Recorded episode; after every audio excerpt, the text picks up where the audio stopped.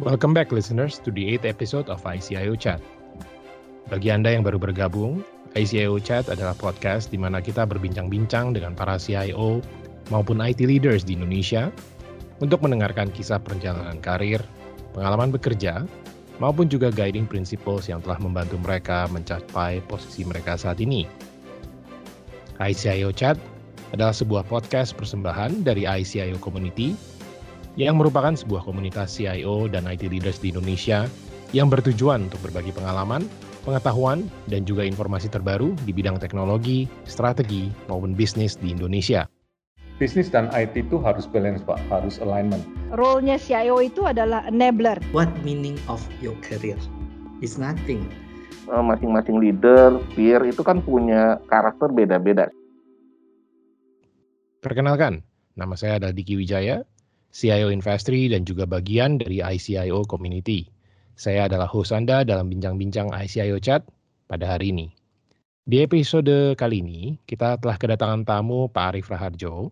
Pak Arif adalah VP of ICT di JNE. Jadi kalau yang akhir-akhir ini mungkin sering belanja online, pasti sudah menggunakan service dari uh, tempat Pak Arif uh, bekerja nih. Terima kasih Pak Arif untuk uh, taking the time to come and have a chat uh, with us today. Welcome. Dengan senang hati Pak Diki, selamat pagi. Kenal Bapak Ibu semua. Oke okay, Pak Arif, mungkin always uh, to start things off, um, Bapak bisa bercerita sedikit Pak tentang pengalaman Bapak mungkin dari dahulu sampai sekarang, sampai kok bisa uh, memilih uh, path karirnya yang seperti ini, Pak? Iya, uh, saya dari sejak uh, semea ya, uh, jadi tahun 87 88 itu dulu di sekolah ada kursus uh, apa komputer mulanya ya, uh, mulai dari basic lalu uh, apa dan ternyata saya uh, juga menyukai logika dulu uh, algoritma gitu ya sehingga akhirnya saya memutuskan untuk uh, kuliah di Bina Nusantara namanya masih STMIC uh, untuk apa sekolah komputer jurusannya dulu komputerisasi akuntansi gitu. Nah, jadi memang saya uh, dari sejak awal memang tertarik dengan dunia programming dan uh, teknologi gitu. Lalu ya mulai merintis karir dari awalnya tuh programmer Eh, lalu puji Tuhan lah ya, eh, karena anugerah Tuhan, karena binaan juga para atasan saya gitu, eh, sehingga saya boleh sampai ke jenjang yang sekarang gitu. Kurang lebih gitu Pak Diki. Thank you Pak Arif. Jadi memang dari awal sudah suka programming dari muda mungkin ya. Nah, Betul. tadi Bapak mention tentang logika. So everything memang kan kita tahu basis dari good programmer adalah memiliki kemampuan untuk berpikir logika yang uh, cukup kuat lah. Nah, apakah itu uh. menurut Bapak ya, uh, logic ini, apakah itu juga membantu dalam membuat keputusan di di luar pekerjaan Pak atau di luar pekerjaan programmingnya itu sendiri? Uh, kalau dari pengalaman saya itu benar sekali Pak. Jadi uh, dalam menyelesaikan suatu masalah Uh, sampai sekarang pun saya juga melakukan pembinaan ke tim saya untuk selalu mengguna, uh, menggunakan uh, apa uh, logika untuk mencari akar masalahnya gitu karena setiap uh, suatu uh, peristiwa suatu tantangan gitu ya di dalam pekerjaan itu uh, harus bisa kita analisa gitu secara nalar gitu demikian tadi. Oke. Okay. Walaupun sebenarnya mungkin logik ini pun terasah karena berdasarkan uh, pengalaman mungkin, Pak. Ya, ya uh, betul. betul. Semakin betul. semakin banyak pengalaman jadi logiknya makin tajam nih. Betul. Mungkin buat kalau untuk uh, pendengar kita ataupun Bapak kan tadi mention untuk ke tim pun Bapak mendorong mereka lah untuk menggunakan logik atau nalar. Nah, langkah-langkahnya mungkin tips and tricksnya gimana Pak? Kan kadang-kadang orang, ya oke okay, saya masih berpikir logik, tapi itu gimana ya langkahnya ya? Apa sih yang masih saya pikirkan? Iya. Ya, jadi kalau saya belajar dari uh, dulu, uh, itu selalu uh, mempertanyakan kalau uh, contoh yang paling gampang ya, saya selalu suka pakai analogi. Kalau kita uh, uh, mau menuju suatu tempat, itu kan ada banyak uh, rutenya ya. Saya cuman bilang kalau saya pilih ini kira-kira apa yang akan terjadi kalau terjadi ini apa yang harus saya antisipasi harus uh, saya lakukan. Nah, kurang lebih seperti itu dan, tentunya juga dengan membanyak membaca buku, berita, koran, mendengarkan radio, podcast ya atau YouTube. Nah, itu kita juga bisa belajar juga uh, dari pengalaman-pengalaman orang lain ya uh, untuk melatih uh, logika dan uh, daya nalar kita gitu, uh, Pak Diki. Jadi kalau kita memang belum mendapatkan kesempatan untuk mendapatkan pengalaman itu, ya kita bisa lah ya belajar dari pengalaman orang lain, baik itu lewat buku ataupun podcast ataupun ICIO podcast ICIO chat Pak. Jadi kan ini pendengar juga belajar dari pengalaman Pak Arif nih. Betul, betul sekali eh, Pak Diki gitu. Karena eh, eh, kalau saya berusaha untuk eh, tidak eh, mengulangi will yang sama gitu. Jadi itulah dengan mengisi apa uh, banyak masukan ya, termasuk dengerin sharing juga dari pengalaman teman-teman di ICIO community di podcast ini juga dari uh, apa uh, podcast-podcast yang lain atau YouTube gitu ya atau buku gitu uh, jadi makin banyak uh, apa uh, input yang kita dapatkan nah itu akan uh, membantu kita pada saat uh, suatu ketika menghadapi tantangan yang kurang lebih sama gitu yang sudah dihadapi oleh uh, orang lain gitu. Ya. Nah, kalau tadi Bapak bilang analoginya kan Bapak kalau ingin pergi ke suatu tempat. Ini menarik karena sebenarnya kan industri Bapak logistik nih, Pak. Pasti ya, um, memang pasti kalau kurir either mereka memang memiliki pengetahuan tentang rute terbaik atau memang sudah dibantu oleh tools ya sekarang.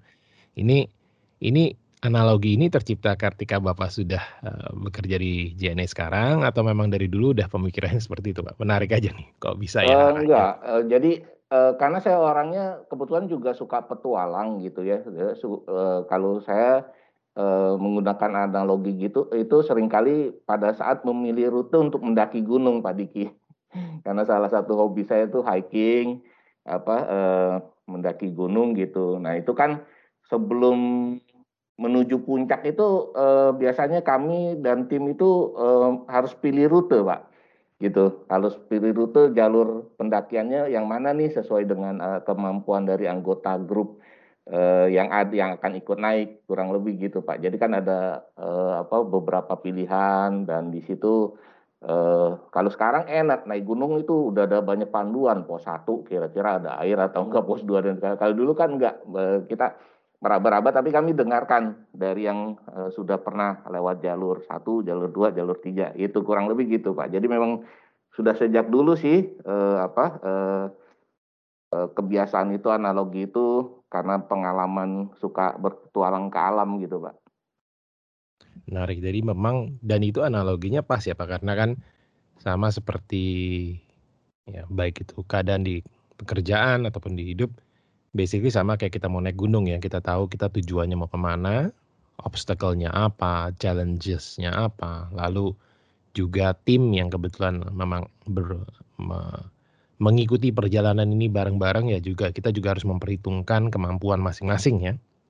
Uh, betul betul. Ya salah satu ya saya bersyukur juga uh, apa karena pengalaman dulu itu lah ya karena sering ke alam naik gunung itu itu juga bisa melatih mental karena kan di kehidupan ini apalagi sebagai apa uh, pemimpin satu uh, apa tim IT itu kan banyak tantangan ya Pak ya pasti banyak uh, banyak uh, suka dukanya gitu kan. Tiap orang juga berbeda terus juga harus kita juga bisa adaptasi dengan teknologi baru dengan situasi gitu. Jadi memang apa eh, yang Pak Diki sampaikan itu tepat sekali gitu. Jadi juga dalam kehidupan pribadi maupun eh, apa dengan keluarga gitu Pak. Tadi Bapak mention tentang mungkin perseverance atau tahan banting ya, ya itu uh, ya kalau kita ngomong mungkin gampang ya Pak tahan banting dan terus kalau kita bilang ya kita harus tahan banting harus tahan lah gitu. Lalu kita juga bisa melihat mungkin kita bisa membaca buku tentang pengalaman misalnya kan ada yang into thin air yang apa mendaki gunung Everest dan hmm. lain-lain. Hmm. Tapi kalau eh, ketika kita mengalami sendiri terkadang kan memang kita juga mungkin lupa nih Pak. Kita udah baca terus lupa. Tapi begitu kena apa begitu mengalami jadi kayak lebih deg-degan lah gitu. Atau lebih stres atau lebih um, putus, bukan putus asa ya tapi mendekati putus asa. Nah kalau untuk masa-masa seperti itu apakah bapak pernah mengalami seperti itu? Lalu caranya untuk menghadapi rasa frustasi ya terhadap tantangan itu bagaimana pak? Dan mungkin step by step untuk mencari jalan keluarnya. Iya. Uh, jujur itu saya udah beberapa kali Pak ngalamin ya. Uh, dari mulai SMP mau masuk ke Semea, dari Semea mau ke kuliah gitu ya. Uh, terus dari kuliah mencari pekerjaan di tengah pekerjaan perusahaan lagi tempat berkarir tahu-tahu tutup ya perusahaan Belandanya di Fast gitu padahal sudah 8 tahun kerja gitu kan. Terus juga per, banyak lah pak ya eh, ngalamin situasi seperti itu. Saya juga pernah ngalamin suatu kondisi stres depresi yang sangat berat sampai apa pori-pori saya mekar pak gitu karena saking ketakutan saking stresnya. Nah eh, saya belajar eh, dan bersyukur karena kebetulan eh, saya sejak kecil itu eh, apa aktif di eh, kegiatan rohani Pak di gereja gitu ya dan saya dulu juga aktivis di eh, gereja. Nah itu kalau saya dari pendekatan spiritual Pak yang saya gunakan. Jadi saya eh, berdoa gitu ya dan ya kalau yang dari pengalaman saya puji Tuhan itu pada saat berserah ke Tuhan, nah itu ada saja jalan keluar yang eh, terbuka Pak gitu ya. Bisa melalui uh, apa buku. Dulu saya pernah dap, lagi stres itu saya berdoa nggak tahunya ngelihat ada satu uh, apa buku Pak. Padahal buku itu sudah ada di uh, rak buku di kamar saya itu sudah cukup lama tak, tapi belum pernah saya baca gitu. Terus entah kenapa suatu pagi begitu saya saya lagi stres saya uh, apa kayak ada yang tunjukin baca buku itu gitu Nah, itu uh, terbuka seperti itu, Pak. Dan ternyata di buku itu uh, apa ter, uh, ketemu jalan keluarnya yang saya juga bingung selama ini saya nggak tahu ya bahwa jalan keluarnya itu ternyata harus apa uh, rekonsiliasi dengan istri, dengan orang terdekat dan segala macam dan benar gitu begitu saya ikutin itu benar gitu. Uh, seperti itu, Pak. Jadi memang apa uh, spiritual ya, Pak. Uh, uh, uh, kalau dari pengalaman saya itu penting banget lah ya untuk menghadapi apa uh, tekanan, tantangan, situasi-situasi uh, yang mungkin berat gitu ya. Sama seperti kalau mau naik gunung juga sebetulnya kan kami berdoa dulu Pak, karena kita nggak tahu di di gunung itu kan katanya ada ya ada macam-macam lah ya, ada roh-roh, ada kekuatan-kekuatan gaib yang ya memang di beberapa kesempatan pernah gitu ya ngalamin. Tapi ya itulah karena berserah uh, pada Tuhan gitu dan minta pertolongan ya Pak eh, ke orang lain ke pihak luar. Saya juga pernah ngalamin akhirnya konseling gitu Pak. Jadi pada saat eh, ngadepin suatu permasalahan yang berat ya mau frusta, frustasi bahkan depresi itu jangan simpen sendiri. Nah ini saya pikir juga apa eh, gunanya kita di ICAO forum ya kita bisa sharing bertukar cerita berbagi pengalaman karena saya yakin masalah yang kita hadapi ini tuh bukan pasti bukan sesuatu yang baru. Ada orang lain yang uh, sudah pernah ngalamin dan punya jalan keluar. Asal kita mau terbuka, uh, saya yakin bisa uh, ada jalan keluarnya gitu, Pak Diki. Thank you, Pak. Jadi memang legowo mungkin ya kita ketika kita menghadapi suatu keadaan yang memang membuat kita frustasi, pastinya dengan pendekatan spiritual di mana kita percaya bahwa akan ada jalan keluarnya. Namun bukan berarti kita juga tidak mencoba mencari jalan keluar ya. Pastikan kita juga terus mencari, bukan berarti apa berdoa atau mempercayai terhadap spiritual lalu nggak ngapa-ngapain itu sama juga betul, bohong. Betul, betul. Nggak akan Iya. bisa Pak kalau seperti itu. Jadi Ya. saya tadi pagi juga baru dapat insight juga gitu ya eh, dalam menghadapi krisis eh, itu kita perlu eh, apa berserah, berharap tapi juga perlu action gitu, perlu ada tindakan gitu. Nah, benar-benar. Jadi ya jangan diserahkan semuanya ke orang lain, kita tetap terus mencoba melakukan yang terbaik dan kita percaya ya, pasti akan ada bantuan yang muncul. Iya. Nah, Pak, ini memang di awal juga saya sempat kepikiran pasti there is really nothing new bahwa mungkin pasti sudah ada orang lain lah yang pernah menghadapi tantangan yang mungkin sedang kita hadapi. Nah, kalau kita sekarang melihat ke pandemi nih Pak ya. Kalau bisa dibilang ini kan it's quite an unprecedented kalau kita bilang di mana bahkan kalau tantangan terhadap bisnis ya industri ini cukup masif di mana bukan hanya masif terhadap satu industri tapi karena ini beberapa industri. Hampir semua industri terkena efeknya. Mungkin ada beberapa industri yang tidak. Sehingga efeknya pun menjadi eksponensial karena kan bukan linear nih kita ngomongnya. Ya. Nah, having said that, tapi saya yakin mungkin kalau di industri Bapak sendiri, apakah justru pasti ada tantangan baru, nah, baik itu untuk menjaga kesehatan dan keselamatan tim di lapangan, Hmm. ya kan? Namun saya yakin juga pasti di sekitar apa setelah beberapa lama pandemi pasti juga ada peningkatan demand terhadap uh, services yang diberikan oleh JNE karena kan kan banyak orang jadi pindah ya tadinya yang biasa mungkin nggak nggak pernah belanja online sekarang jadi belanja onlinenya jadi banyak sering banget gitu kan nah itu kalau bapak lihat sendiri apakah memang ada tantangan seperti itu dan bagaimana pak bapak di dengan tim ya to quickly adjust to face this new challenge Iya. Iya, memang eh, pandemi ini eh, berat lah ya. Eh, kita bisa eh, rasakan bersama, termasuk juga memang eh, untuk eh, industri kurir logistik seperti kami gitu ya. Dan ya kami bersyukur eh, JNE di tengah eh, pandemi ini masih bisa melayani, bahkan kami juga eh, aktif juga membantu ya untuk eh, distribusi-distribusi obat eh, selama COVID gitu ya. Dan juga apa alat bantu kesehatan. Terakhir itu kami juga kerjasama mendistribusikan eh, tabung oksigen juga eh, bekerjasama dengan beberapa mitra dan yayasan secara apa gratis gitu ya kami membantu. Nah kami bersyukur eh, bahwa eh, JNE hadir ya eh, sudah memasuki tahun ke-31 eh, untuk eh, apa membantu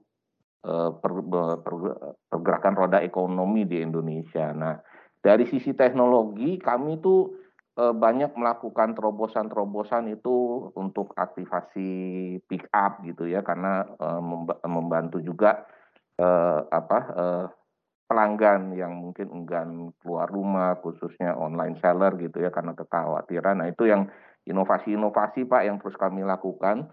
Juga bagaimana kalau secara perusahaan itu kami membantu eh, UMKM UMKM khususnya social commerce gitu Pak. Jadi eh, kami banyak sekali eh, dua tahun terakhir ini eh, membantu para social commerce gitu ya untuk lebih meningkatkan penjualan mereka. Eh, Kalau sejak sejak saya bergabung 2017 di catatan saya JNE itu memang aktif sebetulnya membantu dan mengembangkan UMKM di Indonesia karena salah satu eh, mimpi dari pimpinan kami adalah bagaimana UMKM Indonesia itu bisa kami bantu go internasional. Sebetulnya itu salah satu dream gitu ya, eh, sesuai dengan apa eh, visinya JNE untuk menjadi eh, industri logistik berskala global gitu Pak. Nah itu memang ada tantangan, tapi puji Tuhan kami berusaha memberikan layanan yang terbaik ya, tetap menjaga SLA dan bagaimana kami bisa membantu juga gitu mengembangkan UMKM. Kalau dari sisi teknologi kami berusaha menjaga uh, kinerja juga ya uh, reliability dan availability dari sistem gitu dan juga uh, banyak percepatan-percepatan yang secara bisnis proses juga yang uh, kami lakukan menggunakan teknologi itu Pak. Oke. Okay. Dan pastinya waktu jalanin pun kan juga pasti ada tantangan-tantangan ya Pak. Pasti ada unexpected twist and turns kalau kita ya. bilang. Dan Tadi yang menarik itu Bapak bilang bahwa sebenarnya salah satu visi dari pimpinan JNE adalah bagaimana caranya membantu UMKM Indonesia untuk go international atau basically to grow. Ya. Nah, itu kan artinya memang tujuannya itu something bigger than us ya. Mungkin kalau saya bilang hmm. itu sesuatu yang memang menginspirasi, menginspiratif dan um, lebih besar daripada kita saja dan lebih besar dari ibarnya fokus kerjaan kita. Itu seberapa pentingnya Pak menurut Bapak itu? Um, karena kalau kita baca pasti di luar sana kan selalu bilang visi yang inspiratif itu penting. Namun tentunya turunannya ya juga harus jelas sehingga step by stepnya Now, caranya Bapak karena Bapak kan kalau saya lihat pasti tadi Bapak juga mention bahwa dari tim teknologi fokusnya adalah untuk menjaga SLA ataupun menciptakan teknologi-teknologi baru yang memang akan ya. membantu baik dari timnya JNE sendiri maupun pelanggannya JNE. Now, ya. karena Bapak pasti salah satu mungkin yang dekat dengan pimpinan, pasti kan tugasnya Bapak salah satunya adalah mengartikan ya Pak. Ya. Mengartikan dari sebuah visi yang inspiratif menjadi strategi pelaksanaan yang bisa membuat visi itu menjadi kenyataan dan juga bisa membuat tim pun semangat. Ya. Itu caranya bagaimana Pak? Ya, uh, kalau di JNE uh, saya sendiri bersyukur ya karena uh, kolega sesama vice president gitu maupun uh, apa uh, tim di masing-masing unit itu uh, bisa uh, paham ya Pak. Jadi uh, salah satunya itu memang setiap tahun itu JNE itu punya satu agenda yang namanya strategic meeting di mana uh, terjemahan dari atau visi dari perusahaan itu setiap tahun itu uh, kita ada tahapan Pak uh, seperti menuju ke suatu tempat lah ya kita mau menempuh uh, apa uh, Jakarta Surabaya mungkin ada beberapa fase kita istirahat dulu atau bukan istirahat maksudnya kita uh, bisa ada milestone yang harus dicapai misalnya uh, lewat Semarang lewat mana gitu. Nah di ini kurang lebih sama itu ada milestone milestone turunannya yang itu yang uh, sudah disusun dengan baik oleh tim strategik uh, di JNE Nah itu yang eh, kami uh, ikutin Pak uh, dari dari waktu ke waktu gitu kalau di JNE seperti itu. Demikian juga tadi kalau misalnya uh, untuk membawa UMKM itu naik kelas gitu ya itu yang kami uh, lakukan khususnya di periode selama pandemi ini adalah ngajak uh, online gitu ya di ada program gitu uh, apa uh, ngajak online gitu. Jadi masing-masing daerah uh, itu mendapatkan tugas untuk melakukan pembinaan dan eh, mencari UMKM eh, UMKM yang berpotensi di masing-masing daerah. Jadi tidak harus selalu di Pulau Jawa, tapi juga di Sumatera, di Kalimantan dan di Sulawesi. Nah, secara teknologi itu yang kalau saya dan tim harus memastikan pada saat eh, apa eh, sudah ada eh, potensi dari UMKM tersebut di rekrut itu yang harus kami bisa uh, bantu integrasi pada saat mereka berjualan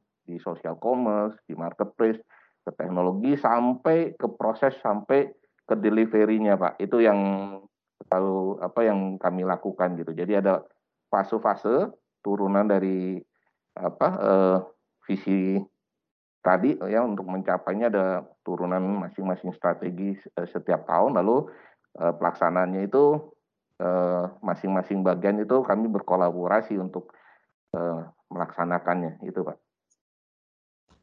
Oke pak, jadi kolaborasi pasti uh, penting lah kita semua tahu. Nah ada tips and tricks ya pak untuk caranya agar kolaborasi itu bisa berjalan dengan lancar ya. Apalagi kan kita tahu bahwa terkadang mungkin yang melakukan planning di head office, tapi inisiatifnya itu bisa efek terhadap misalnya kantor cabang ataupun Hmm. bahkan yang di lapangan.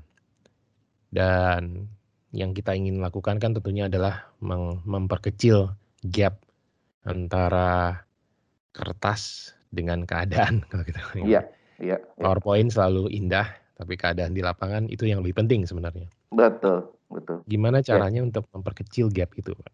Ya, ya itu eh, fakta lah Pak ya kenyataan dan eh, kalau eh, saya sendiri bersyukur ya sejak eh, kita tahu bahwa digital transformation itu yang mimpin COVID-19 kan joknya kan gitu Pak.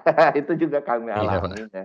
Nah ini justru sekarang dengan apa eh, dengan situasi sekarang itu malah jadi banyak eh, hal-hal yang efektif Pak yang kami alamin. Jadi eh, nggak ada lagi eh, jeda waktu harus berkunjung ke suatu daerah itu kita tinggal bisa panggil on, eh, panggil online meeting gitu ya eh, dan lebih eh, komunikasi lebih lancar gitu. Nah ini memang eh, pada saat menerjemahkan sesuatu eh, seperti baru-baru ini kami lakukan itu memang kami lakukan sosialisasi dulu ya eh, secara eh, online gitu ya Eh, kami panggil gitu di seluruh cabang gitu. Dan kalaupun ada hambatan eh, di pelaksanaan di lapangan dan itu memang faktanya ya kalau di dunia usaha pasti seperti itu ya Pak. Eh, eh, tuntutan SLA segala macam. Dan itu biasanya secara proaktif ya diadakan pertemuan secara online dan eh, eh, dibicara kalau di JN itu semua dibicarakan secara transparan sih Pak. Jadi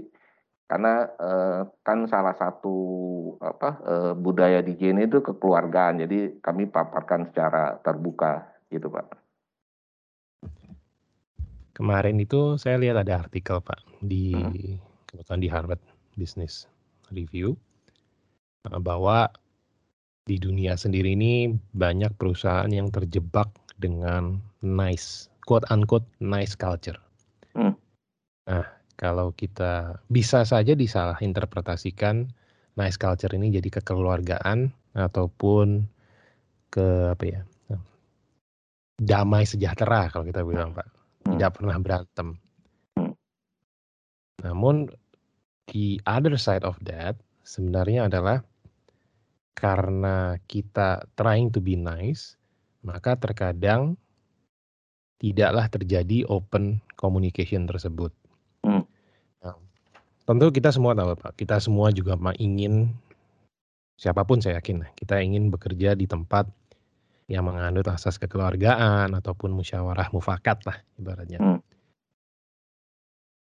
Tapi resikonya adalah hilangnya honest constructive criticism. Hmm. Um, Bapak ada saran Pak, mi- misalnya untuk how to balance this. Karena kita tahu lah, oke kita buka kita bukannya mau berantem, Hmm. tapi terkadang kita perlu menyampaikan concern ataupun masukan Hmm. agar tentunya rekan kerja kita juga otomatis akan lebih baik lagi gitu ya. Dan kita Iya. saya nggak ngomong dengan tim Pak. Kalau dengan tim Hmm. cenderung pasti semua punya gaya leadership Hmm. masing-masing. Hmm. Tapi mungkin lebih ke arah peers. Hmm. Bagaimana? Iya, iya kekeluargaan kalau di JNE bukan berarti eh, semuanya diam-diaman mencari damai, enggak sih Pak. Justru eh, kalau yang saya alamin ya selama saya kerja dari 2017 di sini, justru eh, itu dilakukan secara profesional. Jadi kita kami eh, mengutamakan eh, kebenaran gitu ya, berani mengungkapkan kebenaran. Nah, tinggal bagaimana kebenaran itu dikomunikasikan secara bijak karena kan masing-masing orang kan eh, masing-masing leader, peer itu kan punya karakter beda-beda. Saya juga punya karakter eh, berbeda. Apalagi eh, eh, seperti saya, saya ter- ter- terbiasa itu kerja jujur di perusahaan Eropa. 8 tahun saya di kerjanya di perusahaan Belanda, terus pernah dua tahun di perusahaan Denmark gitu ya, di mana budayanya itu belak-belakan Pak. Eh, terakhir sebelum di JNE saya kerja juga di perusahaan yang eh, totally eh, apa eh, profesional gitu ya. Jadi ownernya tidak terlibat langsung. Ya kita itu uh, memang akan uh, pendekatannya harus berbeda Pak. Kalau dulu uh, di perusahaan gaya Eropa kita uh, ngomong mau apa di dalam rapat mau berantem mau ini segala macam uh, itu uh, bisa dipahami. Habis itu kita bisa ketawa-ketawa makan makan makan gitu ya. Nah uh, ternyata di uh, JNE juga hal itu bisa diadopsi tapi dengan uh, sedikit uh, penyesuaian gitu Pak ya. Jadi saya harus menyesuaikan gaya, style gitu ya, uh, komunikasi dan juga harus paham uh, karakter dari uh, kolega atau peer kita. Saya pikir di semua industri, semua perusahaan juga akan situasinya akan sama mengalami hal seperti itu. Kalau dari pengalaman saya sih seperti itu, Pak Diki. Iya dan sebenarnya dengan belak-belakan itu pasti tujuannya adalah accountability dari masing-masing team member ya. Betul, betul. Jadi kita saling kalau di yang saya jalanin saling mengingatkan aja gitu. Jadi kalau ada sesuatu hal yang uh, saya dapatkan insight yang baik, tapi itu adalah di teritori atau tang accountability kolega saya itu saya sampaikan secara melobi lah ya datengin gitu kasih tahu atau by WA gitu. Ini ada mungkin pendekatannya satu dua tiga satu dua tiga gitu. Demikian juga yang lain gitu kalau ke saya gitu kasih feedback gitu ya langsung uh, kita ketemu aja gitu. Uh, cara ya kalau kebetulan di sini kolega kan satu lantai gitu ya cuman beda ruangan nggak nggak sulit lah untuk melangkah. Ya tapi memang kalau selama sejak pandemi apalagi dengan aturan WFA ya kami ya tetap berkomunikasi via via telepon, via meeting online atau via uh, chat gitu Pak. Ya, dan memang pasti kan kita selalu bilang yang kita cari bukanlah siapa yang benar, tetapi yang kita cari adalah kebenaran yang memang paling utama untuk perusahaan. Jadi nggak masalah Betul. tuh siapa yang benar. Tapi Betul. di pastinya di komunikasi terkadang mungkin emosi tergelitik Pak. emosinya ya.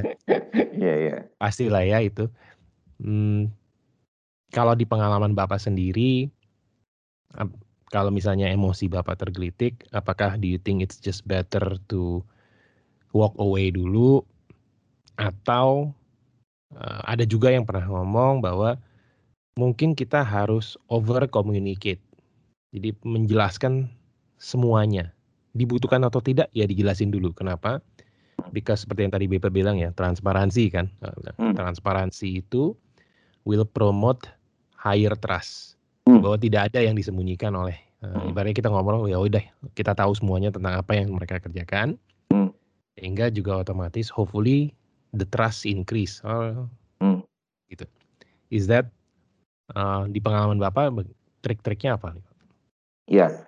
Uh, uh, pastilah ya Pak, namanya kita manusia ada uh, ego gitu kan, terus karakter uh, tiap orang juga beda seperti yang tadi saya sampaikan. Bohong kalau saya juga nggak pernah terpancing emosi gitu ya atau selalu jadi nice guys. Nggak juga gitu ya. Saya kalau uh, ya ada momen-momen tertentu ya saya uh, apa mengekspresikan gitu ya. Apalagi jujur kalau saya kan Uh, karena tadi karena kebiasaan di budaya Eropa gitu, uh, saya nggak bisa ngumpetin kalau saya marah, saya nggak apa, uh, ini ke ekspresi dari wajah saya sama intonasi suara saya orang-orang yang dekat dengan saya udah tahu nih Pak Arif nih lagi marah gitu ya, walaupun mungkin nadanya biasa saja gitu ya, tapi mereka bisa nangkep apalagi tim yang saya pimpin gitu. Ini, uh, apa, kenapa? Nah biasanya sih kalau saya lebih banyak mencoba uh, apa mendigest gitu ya, mendigest dulu sebet mencerna lebih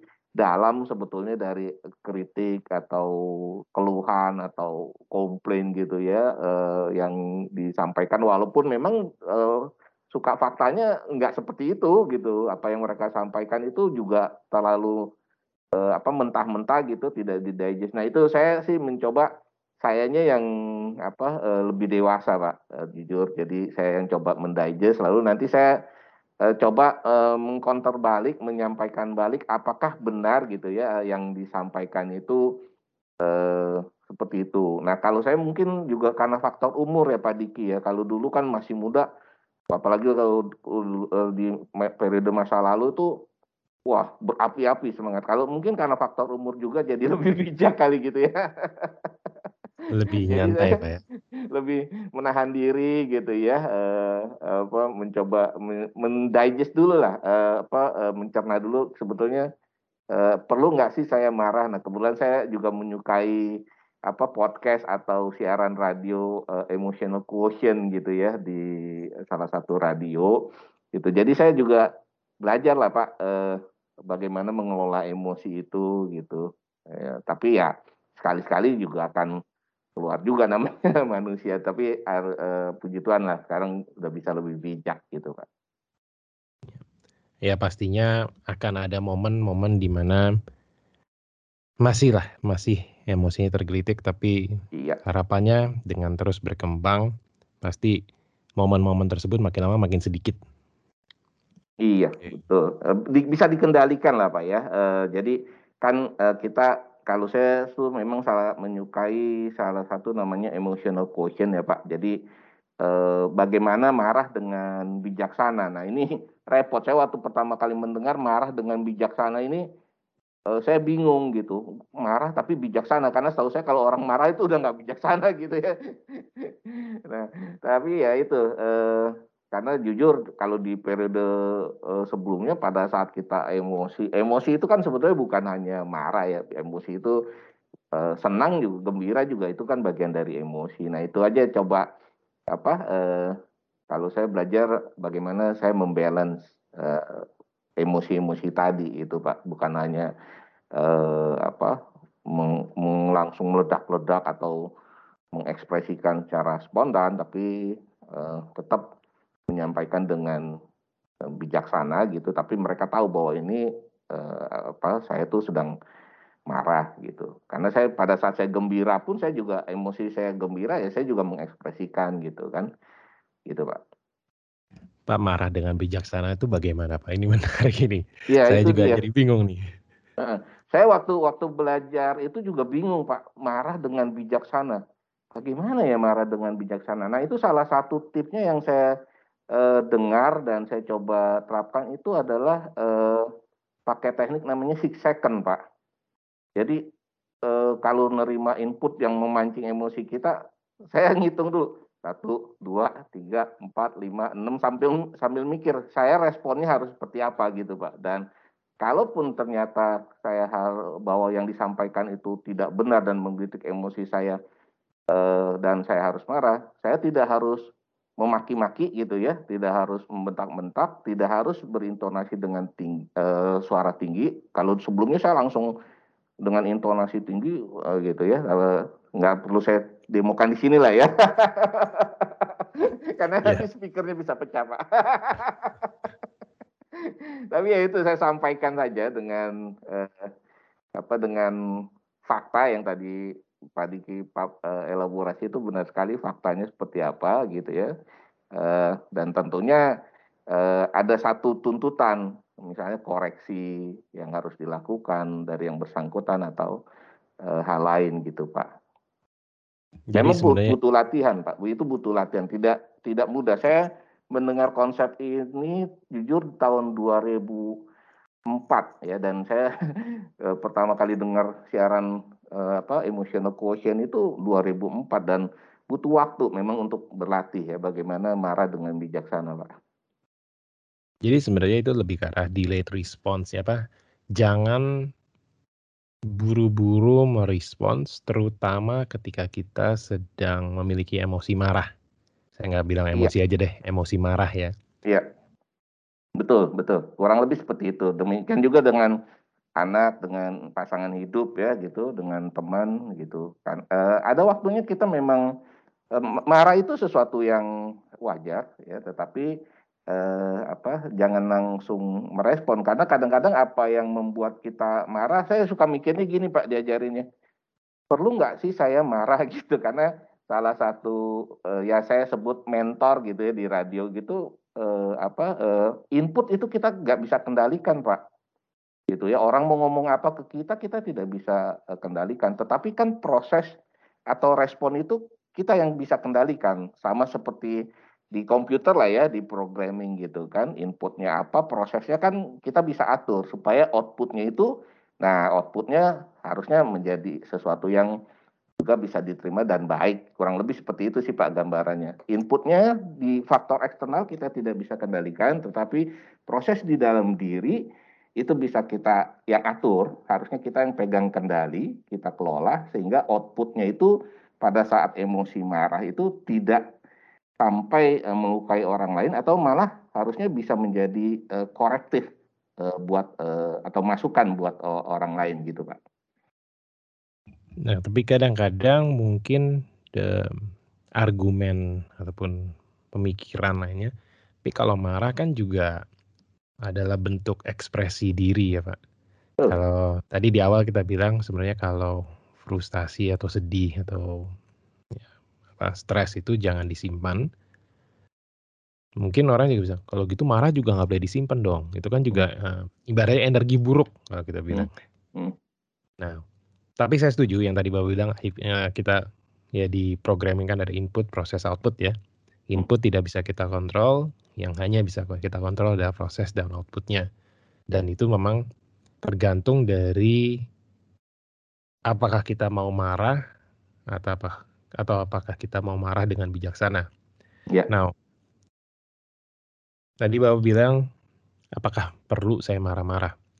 Nah, untuk menjawab orang yang bilang, tapi enak, marah-marah itu enak. Kan kita tahu ya Pak, pasti ketika kita marah-marah, saya yakin semua orang pernah lah marah-marah, eh. renting, hmm. Eh, ada saya nggak tahu itu apa hormon apa yang dirilis gitu.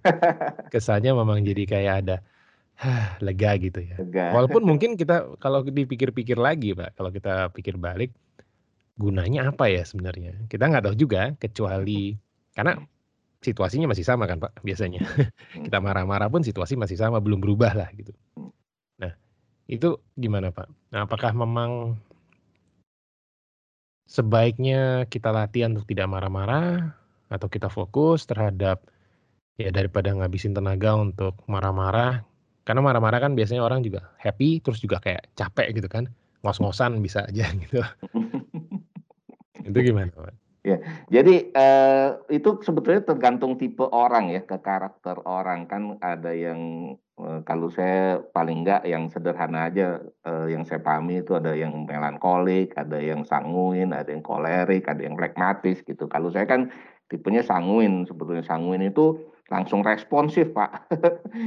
tapi setiap orang itu enggak 100% eh, tipe karakter itu, tapi pasti ada kombinasinya ya, berapa persen dan itu masing-masing individu kalau yang saya diajarin itu harus bisa menemukan, mengetahui jati dirinya, eh, berapa persen tipe eh, sanguinnya, koleriknya, pragmatisnya gitu, melankolisnya gitu ya. Nah, itu yang dilatih dan dikelola. Betul bahwa marah itu nggak boleh eh, disimpan gitu ya eh, harus diekspresikan tapi tadi eh, marah dengan dengan bijak apakah ada kepuasan eh, kalau di saya alamin iya tapi juga banyak penyesalannya sebetulnya ya. Eh, jadi kalau marah dengan membabi buta dengan apa eh, suara keras itu eh, ya saya eh, di masa sebelumnya saya lakukan apalagi ke anak-anak gitu. Tapi sesudah saya lakukan itu kan kalau mendidik anak-anak itu kan anak kami sendiri gitu maksudnya saya jelaskan gitu kenapa saya marah. Demikian juga eh, sekarang pun ya ya jujur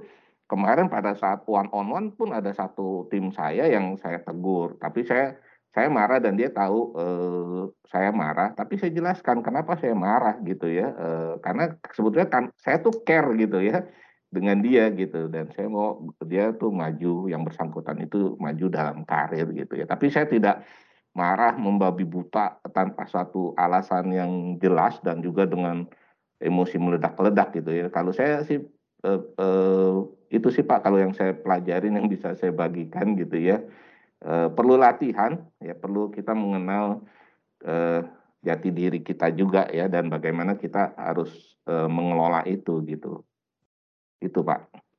Jadi memang key-nya itu komunikasi ya Pak. Ya. Walaupun kita uh, terkesan marah, namun sebenarnya kita juga mencoba menjelaskan mungkin train of thought kita, thinking proses hmm. kita, hmm. sehingga kenapa kita pasti kan marah-marah itu terjadi karena ada gap antara ekspektasi atau pemikiran kita dengan yang kejadian. Betul. Itulah menjadi alasannya. Betul. Jadi tentunya mungkin kalau kita bisa crystallize marah-marah dengan bijaksana itu adalah bagaimana kita juga bisa menjelaskan kepada orang yang kita marah ini kenapa kita marah. Lebih bagus lagi kalau kita nggak marah-marah, tapi kita Hmm. jelaskan kita bisa aja marah tap- karena ini, tapi bukan berarti kita akan marah-marah gitu ya. Betul, betul. Kalau kita nggak pernah marah, saya pikir kita jadi manusia yang nggak bertanggung jawab sih Pak. Contoh misalnya ya ada tim yang eh, apa tidak beker- melaksanakan instruksi dengan benar, terus kita tidak tegur, ya tidak marah, itu sih bukan pemimpin yang baik, gitu malah menjerumuskan gitu kan. Nah tapi bagaimana kita bisa eh, kita boleh marah, ekspresikan gitu ya, tapi tadi dengan bijaksana dengan satu alasan yang jelas tadi eh, komunikasinya terbuka. Kalau saya lebih banyak me, apa ya mencoba melakukan pendekatan sebagai teman juga, sebagai bapak juga gitu ya. eh, tergantung dari usia lawan bicara atau counterpart kita gitu. Kalau dengan yang lebih senior juga kan kita marah juga eh, dengan ekspresi yang berbeda gitu ya Pak, eh, tidak eh, harus lebih bijaksana gitu ya. Tak benar tadi eh, kalau intinya sih saya coba menerapkan mempelajari dulu karakter dari eh, apa counterpart kita gitu ya. Eh, jadi kita bisa marah dengan bijak dengan tepat gitu karena masing-masing orang kan gaya atau gaya penerimaannya itu beda-beda Pak gitu. Jangan sampai juga kita marah, apalagi di lingkungan kerja malah merusak eh, hubungan dan kerjasama jangka panjang gitu. Demikian juga di eh, lingkungan sosial kita maupun keluarga gitu Pak. Oke, thank you Pak untuk penjelasannya. Ini jadi lebih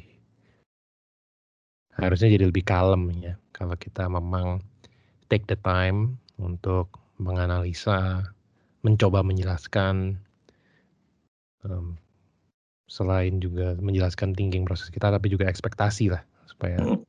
bisa tercapai marah dengan bijaksana. Iya.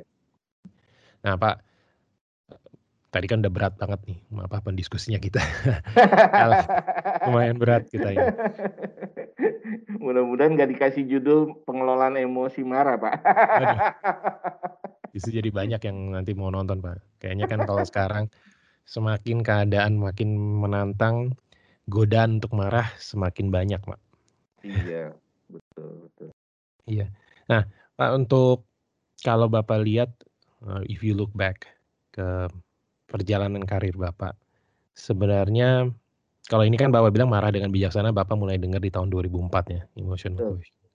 Tapi mungkin sebelumnya itu em, karakter apa ataupun certain way of looking at things atau prinsipalnya Bapak apa yang Bapak rasa selama ini sangat membantu Bapak sehingga membantu perjalanan karir Pak yang dari Iya. dulu. Iya, kalau saya dari dulu orangnya persisten ya Pak. Saya berusaha eh, apa eh, memberikan lebih dari setiap penugasan saya dan itu yang jujur saya eh, komit gitu ya da- di, di setiap di mana saya kerja dari awal karir gitu Eh, dan juga eh, orang tua saya tuh menitip pesan gitu pada saat saya mulai bekerja bekerja dengan jujur gitu ya eh, harus tanggung jawab dan takut akan Tuhan itu sih Pak. Jadi prinsip yang saya pegang. Jadi eh, dan saya baru paham sesudah mungkin saya menjadi apa teredukasi secara manajemen itu adalah eh, namanya integrity Pak. Jadi itu yang prinsip-prinsip yang saya pegang. Jadi eh, ada atasan nggak ada atasan, eh, saya percaya ada Tuhan yang lihat gitu Pak. Itu yang eh, apa yang selalu saya bawa dari awal karir dan ya puji Tuhan lah ya eh, bisa eh, membawa saya mendapat kepercayaan di beberapa perusahaan hingga sekarang gitu Pak. Nah, kalau untuk tim Bapak sendiri, Bapak tadi di awal kan sudah mention em, Bapak selalu meminta mereka juga menggunakan logika untuk Ya. memikirkan. Nah, selain itu guidance apa yang biasanya yang mungkin untuk semua tim Bapak yang paling banyak Bapak bilang mungkin yang nalar ini, yang logika, tapi Hmm. saran-saran apa lagi Pak untuk tim biasanya? Ya, kalau saya selalu eh, dalam eh, beberapa kesempatan, eh, kalau dulu sebelum pandemik itu eh, kami suka ada off, eh, offline meeting di eh, tim IT itu eh, saya apa eh, minta mereka juga terbuka gitu ya, jadi eh, apa eh, saling belajar menerima kritik gitu ya dari dari koleganya yang lain dan saya selalu minta mereka itu juga punya eh, mimpi atau visi untuk kehidupan mereka pribadi gitu yang selalu saya, di beberapa kesempatan saya suka ingatkan gitu ya target eh, kehidupan pribadi 3 sampai 5 tahun mendatang. Nah, itu apa yang bisa eh, saya bantu, perusahaan bantu untuk mencapai ke sana gitu. Itu yang eh, apa eh, saya berusaha untuk membangkitkan semangat lah ya. Eh, karena kalau di apa di kehidupan pribadi nggak punya target itu agak repot. Lalu yang apa eh, terakhir-terakhir ini saya selalu eh, ingatkan ke eh, apa tim gitu dan kolega saya. Khususnya kan selama pandemi COVID ini kan juga ada saya pernah ngalamin terkena COVID gitu ya. Dan pada saat sakit itu tidak enak. Jadi saya selalu mulai mengingatkan kembali yang tahun 2000-an saya pernah diingatkan juga oleh kolega saya juga bahwa kita harus loyal ke diri sendiri ya. Eh, artinya eh, jujur kita harus eh, apa eh, berusaha loyal menjaga kesehatan kita loyal ke diri. Nah lalu kita harus loyal dan setiap ada keluarga maka itu pasti kita akan juga eh, bisa loyal ke profesi kita gitu. Gitu sih pak Oke. Nah, untuk yang visi itu apakah memang untuk yang tim Bapak ya, Pak? Tim Bapak. Iya. Itu kan pasti ada yang mungkin memang berkaitan dengan ya kemungkinan besar Ekonomi. pasti kaitan ekonomi lah ya, Pak ya. ya oh, iya Nah. betul Betul. Dan tentu tugas kita adalah kalau memang dari kita sebagai pimpinan, pemimpin dan juga company bisa membantu mereka menuju ke arah mendekati visi Hmm. mereka, it's fantastic. Hmm. Jadi tentu kita sadar bahwa terkadang mungkin memang tidak bisa ya. Hmm. Dan pastinya sesudah itu kita harus kalau kita bilang apa em, mereka lulus lah dari Hmm. lulus dari sekolah JNE gitu kan. Hmm, hmm, Lulus pindah ke tempat lain. hmm. Nah, untuk seperti itu dari Bapak sendiri apakah Bapak merasa wah jangan sampai mereka malah berpikir untuk keluar atau ke tempat Hmm. lain atau memang it is ya it- itu adalah fakta. Kemungkinan Hmm. besar memang beberapa yang tidak bisa kita kita tahan Hmm. progresi karir mereka dan untuk Iya. mereka mendapatkan tujuan hidup mereka ya memang Iya. mereka harus keluar eh, tempat kita.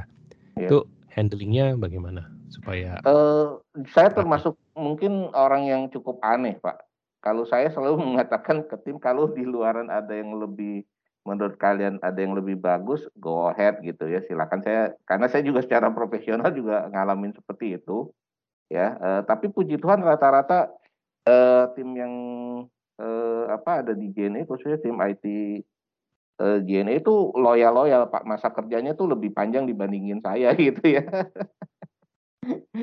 Karena jujur kalau di JNE itu eh, kesejahteraan itu bukan hanya dilihat dari uang, uang itu penting gitu ya. Tapi di JNE juga eh, kebetulan eh, kami itu eh, apa eh, setiap bulan itu salah satu tuh semua dapat beras Pak. Ini yang unik Pak.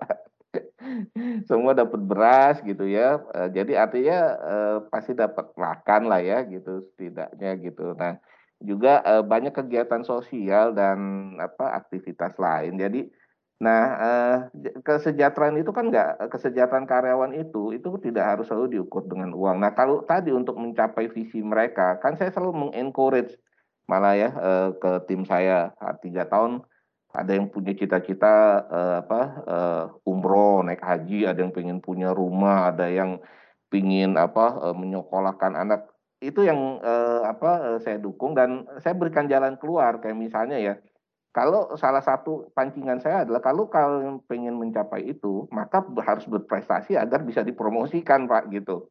Kalau nggak berprestasi, kalau kerjanya sedang-sedang atau mediocre ya bagaimana saya bisa membantu itu uh, itu yang saya lakukan. Makanya saya uh, selalu bilang kalau memang di luaran ada yang apa uh, lebih baik yang berani bayar lebih baik ya silakan saja dan itu saya pernah ngalamin juga ya resiko lah ya resiko dari apa yang sudah dibina, dilatih perusahaan juga kan rugi sebetulnya ya kan karena di JNI kan juga menyediakan training-training ya untuk uh, tim IT gitu. Uh, yaitu uh, resiko. Tetapi puji Tuhan uh, selama ini banyak yang loyal gitu. Kalaupun itu terjadi dan memang terjadi ya mau nggak mau harus diikhlaskan sih gitu Pak.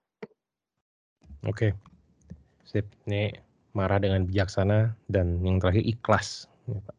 Yeah. Di awal juga legowo. Hmm. Oke, okay, thank you Pak Arif untuk diskusinya. Um, so listeners, demikian adalah diskusi kita dengan Pak Arif. Mungkin kalau saya boleh sum up interpretasi saya, pastinya Pak Arif itu satu, ketika kita membuat sebuah keputusan, selalu gunakanlah logika. Karena logika akan menunjukkan jalan keluar yang memang kita kita cari Lalu belajar dari pengalaman orang lain ataupun dari pengalaman sendiri.